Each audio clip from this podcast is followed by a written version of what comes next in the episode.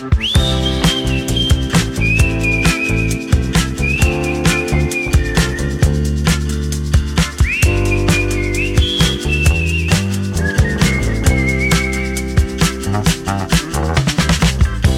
dia, Sílvia. Bon dia, com estàs, Andreu? Uh, bé, podria estar millor, estic recuperant-me del Covid. De fet, porto dues setmanes uh, donant positiu i amb símptomes i espero que quan surti publicat aquest episodi ja estigui curat del tot. Això esperem. A part d'això, per la resta, molt bé. Tu què tal? Molt bé, molt bé. Normal, com sempre. Doncs, Sílvia, tinc alguns punts per comentar com a actualitzacions de coses que han passat últimament. Uh -huh. Primer de tot, tu et vas queixar en un... Bé, vas queixar, va ser una reivindicació, diguéssim, fa un temps, quan parlàvem de les aficions, Sí. i vas dir que et costava trobar, com es diu això, mots encreuats Passatemps, sí. en català, no? Sí, és veritat. Vaig anar... És que em vas passar un, una, com una pàgina web on et deia uh Mhm. -huh. on podies trobar els passatemps en català, no? Ah, sí. I vaig mirar quina és la llibreria que tenia més a prop o la que mm, podia anar o anava normalment a mirar-ho i hi vam anar, vaig preguntar-ho i em van dir que no, que ja feia temps que no em venien. Ah, quina llàstima. I Mm. no en podies demanar? No, Mm. Bé, doncs tinc una bona notícia per a tu, d'acord. i és que el diari VilaWeb, que és aquest diari que ja n'hem Sí. parlat diverses vegades, ha creat una secció de mots encreuats. ah, sí? Sí, es diu Minimots. Minimots. Sí, Ah, se n'encarrega el Pau Vidal, que és un filòleg, traductor i divulgador lingüístic, ha fet diversos llibres, per exemple, uh, un dels llibres més coneguts seus és el, un que es diu El bilingüisme mata, que parla del bilingüisme social i dels inconvenients que té per a una llengua minoritzada com el català, no? Mhm. Doncs és, és un personatge més o menys mediàtic perquè ha sortit en diversos programes, per exemple, el programa que vam comentar del Llenguado, Ah, d'acord, em sembla que ja sé qui és. Exacte, en el programa de Llenguado el Pau Vidal feia com d'assessor lingüístic, no? Mm. Bé, doncs és l'encarregat de fer els minimots. Mm -hmm. Només hi ha mots encreuats o també hi ha sopa de lletres i d'altres tipus de passatemps? Diria que només mots encreuats.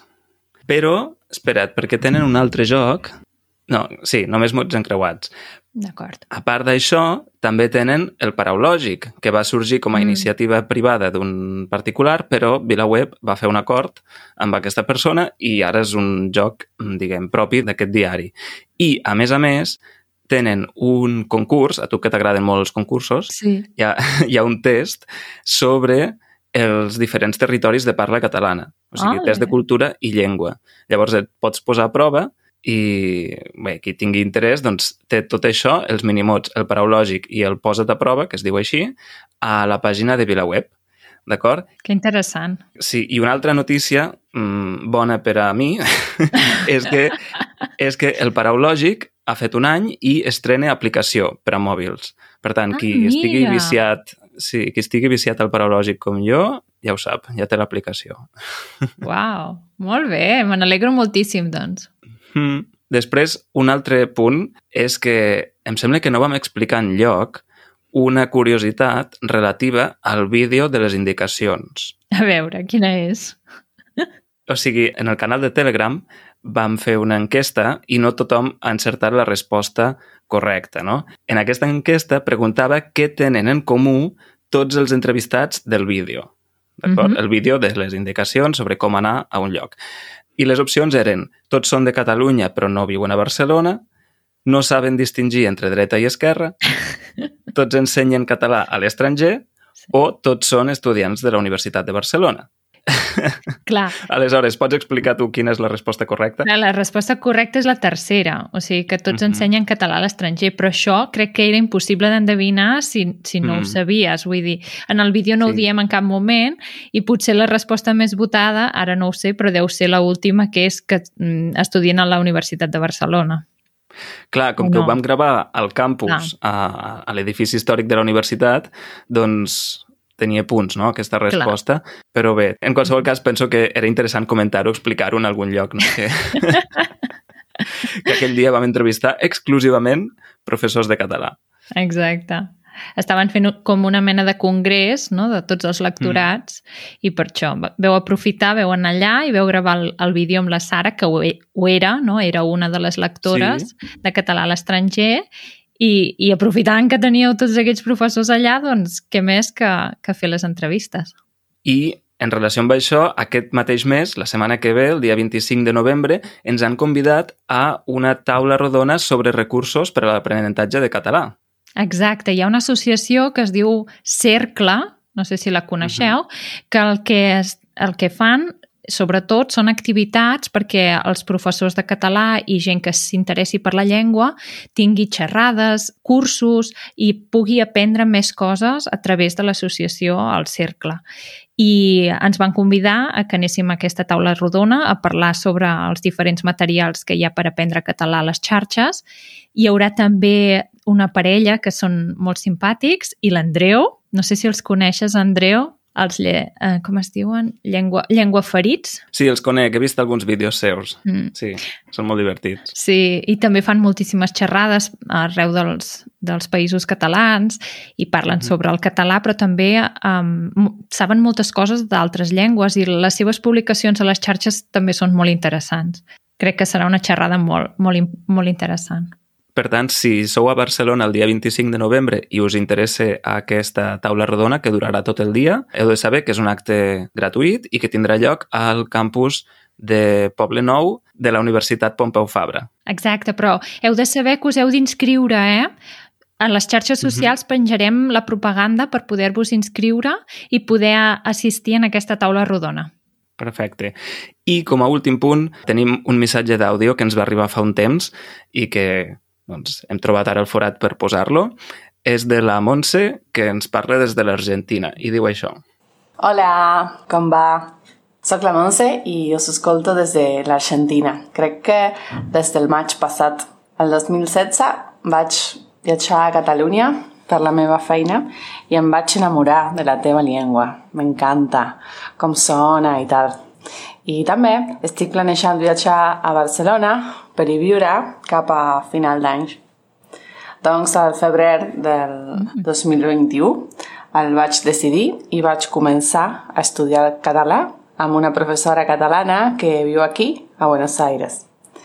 És per això que he començat a buscar audiolibres i podcasts a Spotify i us hi he trobat a vosaltres. Us escolto cada matí quan vaig a la feina amb la bici i em divertiu i ajudeu a practicar molt. Com hauran vist, els segueixo també a l'Instagram i a YouTube i estic esperant ansiosa els nous episodis. Eh, moltes gràcies per tot el que feu. Abraçada! Una abraçada, Montse! Moltíssimes gràcies, doncs, que ens escoltis sí. des de fa tant temps i que t'haguis interessat pel català i l'estiguis estudiant. Ha comentat que mm. potser a final d'any vindria a viure cap aquí, per tant, sí. potser, potser ja va sent... O sigui, potser ara ja és l'hora, no?, que, de que sigui per aquí. Si ets per aquí, Montse, que sàpigues que només ens ho has de dir i podem gravar un vídeo junts. Exacte. I felicitats per, per aquest català que has après, per l'entusiasme i endavant amb el teu pla. Així que benvinguda siguis quan arribis i, i això, i avisa'ns i fem alguna cosa. Aprofito també per comentar que si ens voleu enviar missatges d'àudio com la Montse, ho podeu fer a través d'Instagram, com ha fet ella, també a través de Facebook o de Telegram, i estarem encantats doncs, de respondre-us i de posar el vostre àudio en un episodi. Tema del dia. Molt bé, Sílvia, doncs aquesta setmana hem comentat que voldríem parlar de les rutines, no? Ara que ja sí. estem a, ben entrats al curs, el curs acadèmic, el curs mm, polític, eh, etc. Tots els cursos que hi pot haver ja més o menys han començat i ja estem de ple en la rutina, no? Mm. Aleshores, aquests últims dies, per qui ens està escoltant, la Sílvia i jo ens hem estat intercanviant àudios breus explicant-nos una mica el que fèiem en diferents moments del dia. Per tant, ara escoltarem aquests àudios i després parlarem amb més profunditat sobre la nostra rutina diària. Així que som-hi. Ei, Sílvia, mira, ara són... Bé, passen 5 minuts de 3 quarts de 9 del vespre, és dimecres, i aquest ha sigut un dia una mica complet, perquè al matí he estat treballant des de casa, en mode de teletreball.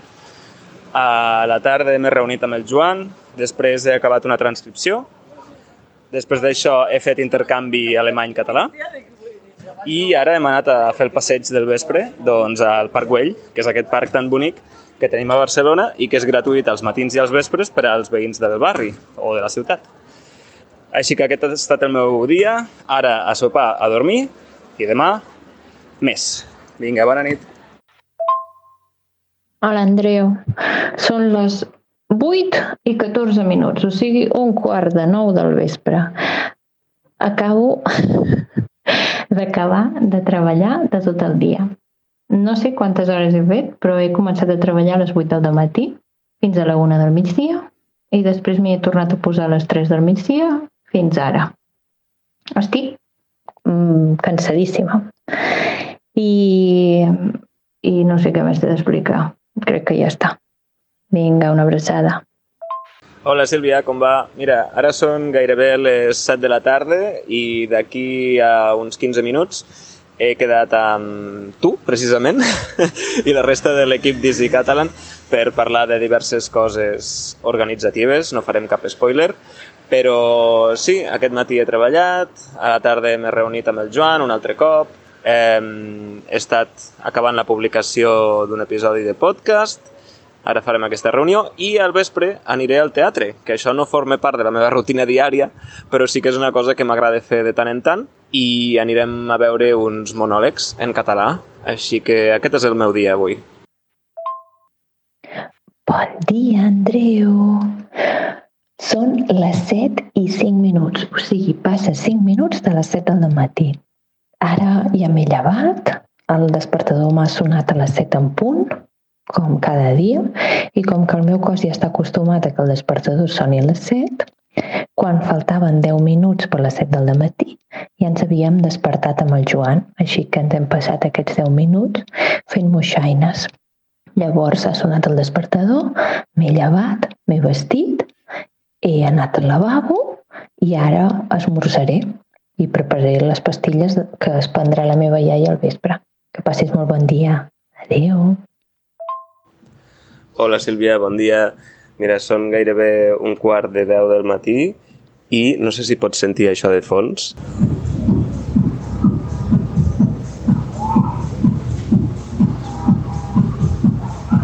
Exacte, és el veí de sota que està fent una festa o no sé què està fent, però bé, està amb la música al màxim, al màxim nivell. Això, malauradament, forma part de la meva rutina, perquè aquest home fa festes contínuament i a totes hores. Però bé, jo ara vaig a fer-me el cafè, és l'hora de, del meu cafè del matí i continuaré treballant durant la resta del matí. Vinga, que vagi bé.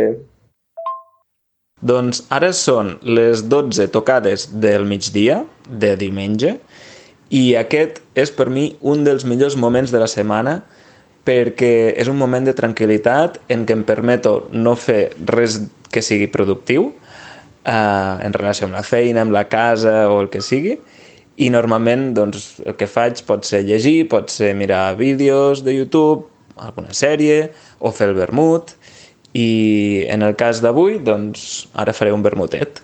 I així és com passo el matí de diumenge. Falten dos minuts per tres quarts de dotze del migdia i ara he acabat les classes del matí. Ara me n'aniré uh, cap a la cuina a preparar el dinar i a la una i cinc més o menys ens posarem a dinar tots junts. Dinarem durant més o menys 30 minuts o 3 quarts d'hora i llavors rentaré els plats i me'n tornaré cap a treballar. Bon dia, ara passen uns minuts d'un quart de nou del matí i bé, m'he llevat a les 7 o a les 7 més ben dit ha sonat la primera alarma, llavors m'he dutxat, m'he vestit, he sortit a passejar el gos i ara, res, d'aquí 10 minuts començo a treballar. Així que comencem el dilluns amb força, amb energia, amb una mica de congestió nasal, però bé, amb ganes. Vinga, som-hi. Són dos quarts d'onze del vespre i ja estic estirada al llit. Estic molt cansada de tot el dia i me'n vaig a dormir. A més a més, com que demà és festa, avui he anat a dormir més tard, perquè normalment a aquesta hora ja fa estona, estona que hi soc. Bona nit. Bé, aquesta és una petita mirada a les nostres rutines diàries. Aleshores, Sílvia, uh, jo veig que tu acabes molt cansada, eh, al cap del Boig. dia. Sí, acabo molt cansada. Per això vaig, per això vaig a dormir tant d'hora. Mm, Perquè si no, o sigui, jo necessito dormir mm, moltes hores i dormir bé, clar. perquè si no, no, no aguanto. I, i me'n recordo que quan et vaig enviar aquell, eh, el primer missatge, em sembla que has passat, que és el de les 8 del vespre, Uh -huh. és que, és que no podia més. Vull dir, estava ja es, not, com... es notava, es notava. Déu meu, o sigui, jo l'únic que vull és anar-me'n al llit i encara, saps? I encara havíem de sopar i... Oh. Sí, sí, se't notava a la veu que estaves rendida. Doncs, a veure, per tu, tu diries que ets una persona de rutines? És important per tu la rutina? Sí, és molt important. La veritat és que quan no tinc una rutina hi ha alguna cosa que no va bé. Vull dir, tot i que sigui estiu, com si diguéssim que ja no, que estic de vacances o el que sigui, necessito fer com una mini rutina. No serà una rutina com els altres dies, però serà una rutina. Per exemple, de bon de matí la rutina sempre és la mateixa, tingui festa o, o sigui dia laborable. Al, al matí vull dir el tema de llevar-me, anar al lavabo, preparar les pastilles, esmorzar... Vull dir, tot Mhm. això és com una rutina que no, no ho puc fer diferent, perquè si ho faig diferent, Mhm. si algú m'interromp o, o hi ha algun canvi que fa que... Doncs ja no, ja no començo bé el dia. D'acord, o sigui, tu tens la teva rutina matutina? Sí, D'acord. Molt marcada, molt marcada. Mhm. I a més a més, també és el moment del dia que m'agrada més. Uh -huh. tot i que em costi molt llevar-me, no? perquè m'agradaria poder dormir més i estar més estona al llit, és el moment del dia que és, jo crec que és el millor de tots, perquè tothom està dormint, jo sóc l'única que es lleva, Ets la més matinera. sí, està completament en silenci, ningú em molesta, ningú em parla, que això també és una altra cosa, perquè hi ha gent que es lleva i de seguida vol parlar, no? Sí. I jo, jo no. Jo necessito que em deixis, no? Uh, em llevo, faig tota la meva rutina, esmorzo, em bec un cafè amb llet i després comencem a xerrar si vols. Mira, jo estic d'acord, coincideixo en això, que a mi em costa matinar, però quan ho faig m'agrada molt i m'agrada molt aquesta estona del dia en què s'està despertant el dia, no? que tot està Mm. mm. tranquil, que, que l'aire és fresc, que se senten els ocells, que Mm. tens com aquesta estona per tu Mm. uh, de silenci, gairebé absolut, i sí, sí, dona molta energia, no? Sí, Aquesta, aquesta totalment, estona. totalment. Uh -huh. I Sílvia, tu què fas per sortir de la rutina? Perquè de vegades també és necessari sortir-ne, no? Sí, doncs normalment el que fem és que ens n'anem a algun altre lloc, perquè si et quedes a casa potser Mhm. és, és més que se, continues, tot i que sigui festiu, continues fent una, una petita rutina. Però si marxes, si te'n vas un cap de setmana a passar en un altre lloc, o simplement un dia te'n vas a, a fer el que sigui una excursió en algun lloc, ja trenques aquesta Mhm. rutina, ja no agafes les Ja. mateixes sinergies de cada dia i potser és, és la forma de, de trencar la rutina, fer alguna cosa que t'agrada i llavors tornar. Clar. A mi em passa que em costa de vegades trobar l'equilibri entre mantenir-me dins de la rutina i la necessitat de sortir-ne, perquè Mm. per mi l'oportunitat de sortir de la rutina és sobretot el cap de setmana, no? O sigui, en el sentit Mm. de canviar d'aires, perquè per mi la rutina és ser a Barcelona. O sigui, Barcelona Ah, és una ciutat molt, molt, T'absorbeix. molt aclapa, aclaparadora, no?, la ciutat, i per mi sortir de Barcelona em va molt bé per sortir de la rutina, canviar d'aires, no? Uh -huh. I llavors això, clar, ho faig el cap de setmana. Però quan s'ajunten molts caps de setmana que he estat fora, tinc la sensació de caos, de desordre, no? Perquè Ah. el cap de setmana també hi ha una rutina necessària Sí. de fer neteja, comprar, Mm. descansar... I, clar, llavors és com eh, que a vegades costa trobar l'equilibri i, o sigui, per un costat tinc moltes ganes de, de sortir de Barcelona i fer coses fora, però Mm. d'altres caps de setmana el que em ve més de gust és quedar-me a casa, saps? Clar. En fi, potser podem continuar parlant de la rutina al bonus que farem després, Uh -huh. de les nostres rutines, i si et sembla bé ara passem a... Taller de llengua. Doncs, parlant de rutines, és molt habitual utilitzar les expressions horàries, o sigui, referir-nos a moments del dia de manera concreta per dir les hores. Exacte. Aleshores, Aleshores, valgui la redundància. Um, en català tenim com dos sistemes per dir l'hora, no? El Mhm. sistema digital, que consisteix a dir doncs, les 9.45 o les 3.24, no? Sí. Però també tenim el sistema tradicional de campanar. Uh -huh. Aleshores, en el taller de llengua que farem avui, explicarem una mica com funciona aquest sistema de campanar i ho posarem en pràctica, d'acord? Vinga. Una cosa que cal aclarir és que no és imprescindible conèixer aquest sistema No, clar que no. en el sentit que si utilitzes el sistema digital, tothom t'entendrà, d'acord? Sí. Ara bé, és útil conèixer-lo com a mínim, saber-lo entendre, perquè hi ha gent que l'utilitza. Mm. Si et diuen que quedeu a dos quarts de sis, doncs que no t'equivoquis i vagis a l'hora que no és. Exacte. Aleshores, Sílvia, tu, en les teves paraules, així espontàniament, com Mhm. explicaries el sistema de campanar? Doncs que has de saber que hi ha un quart, dos quarts i tres quarts, que és Mhm. quan la minutera està en el número 3, 6 i 9, i llavors el que és important és que sàpigues que has de dir l'hora que vindrà, no l'hora que ha passat. Exacte. O sigui, no dius, per exemple, si són les 7 i 15, no dius un quart de 7, sinó que dius un quart de 8. O sigui, Mhm. l'hora que vindrà, la següent hora. Dos quarts de 8, doncs és les 7.30. I tres quarts de 8 és les 7.45. Exacte, o sigui, el punt de referència no és l'hora ja passada, sinó l'hora següent. I jo crec que aquí cal tenir clar per què és així, no? O sigui, perquè utilitzar un sistema a vegades és difícil si no l'entens. No? Llavors, jo penso que és important explicar això, i és que, per exemple, quan són les 12 de la nit, les 0000, Uh -huh. doncs al cap de 60 minuts s'ha complert la primera hora. No? O sigui, ja, Sí. ja s'ha acabat la primera hora, i per això diem que és la una. No? Uh -huh.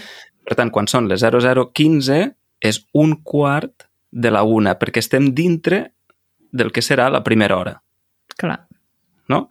Aleshores, un quart d'una, dos quarts d'una, tres quarts d'una i la una en punt. Uh -huh. Aquesta és la idea, i aquesta és la lògica, diguéssim, no? Per qui no està Exacte. acostumat a aquest sistema, doncs la lògica és aquesta. Que funciona també en altres llengües, per exemple en alemany, Sí, exacte. no? Clar, el quart sí que és al revés, però es diu passa un quart d'hora de les 7 en alemany. Però la Mm. resta sí. Sí, d'acord. Aleshores, et proposo de fer uns exercicis pràctics, Uh -huh. d'acord? A veure, va. jo et diré 4 hores, o sigui, 4, sí, 4 hores, en el sistema de campanar i tu m'ho has de traduir al sistema digital. D'acord? D'acord. Vinga.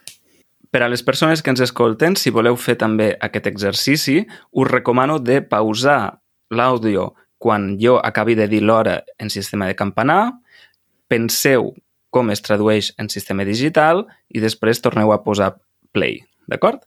Aleshores, comencem. M'ha fet gràcia. Són tres quarts menys 5 de les 7 del matí. Tres quarts menys 5 de les 7 del matí.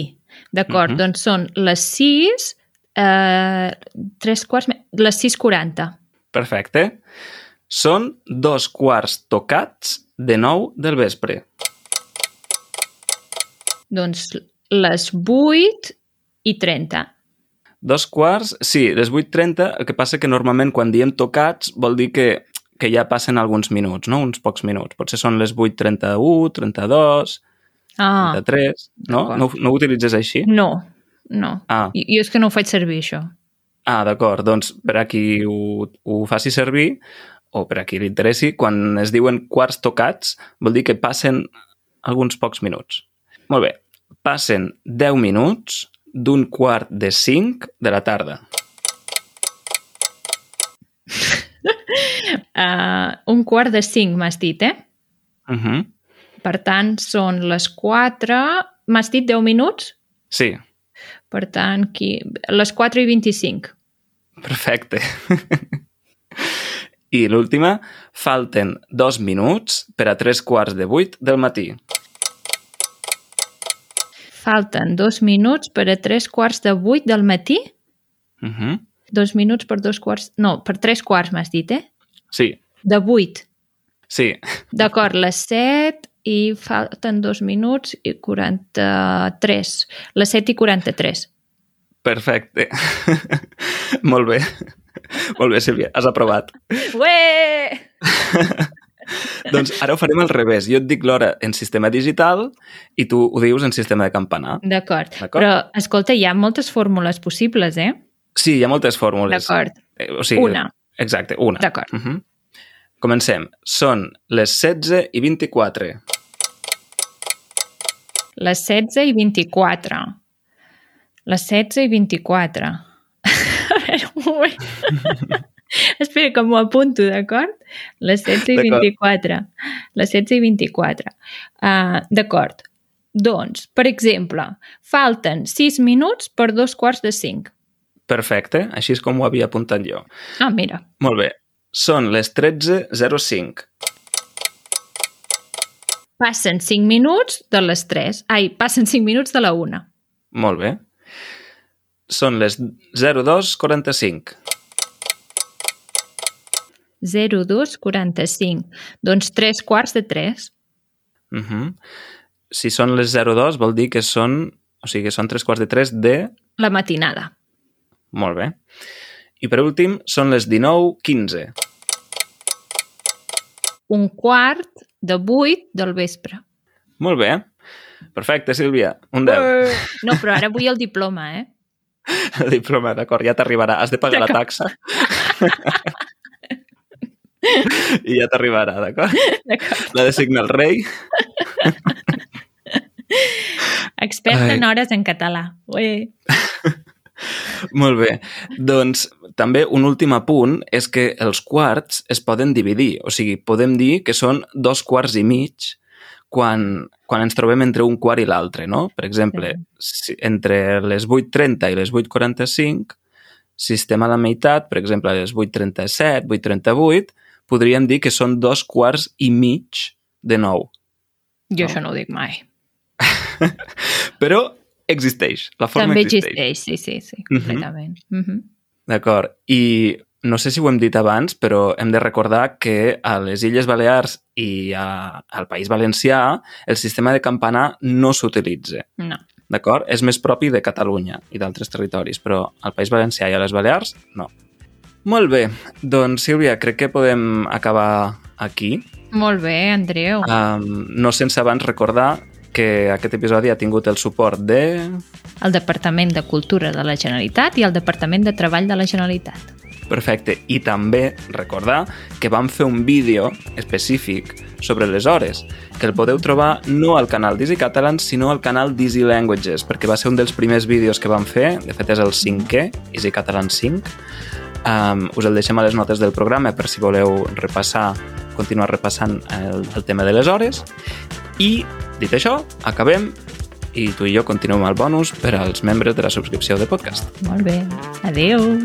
Adeu, fins ara.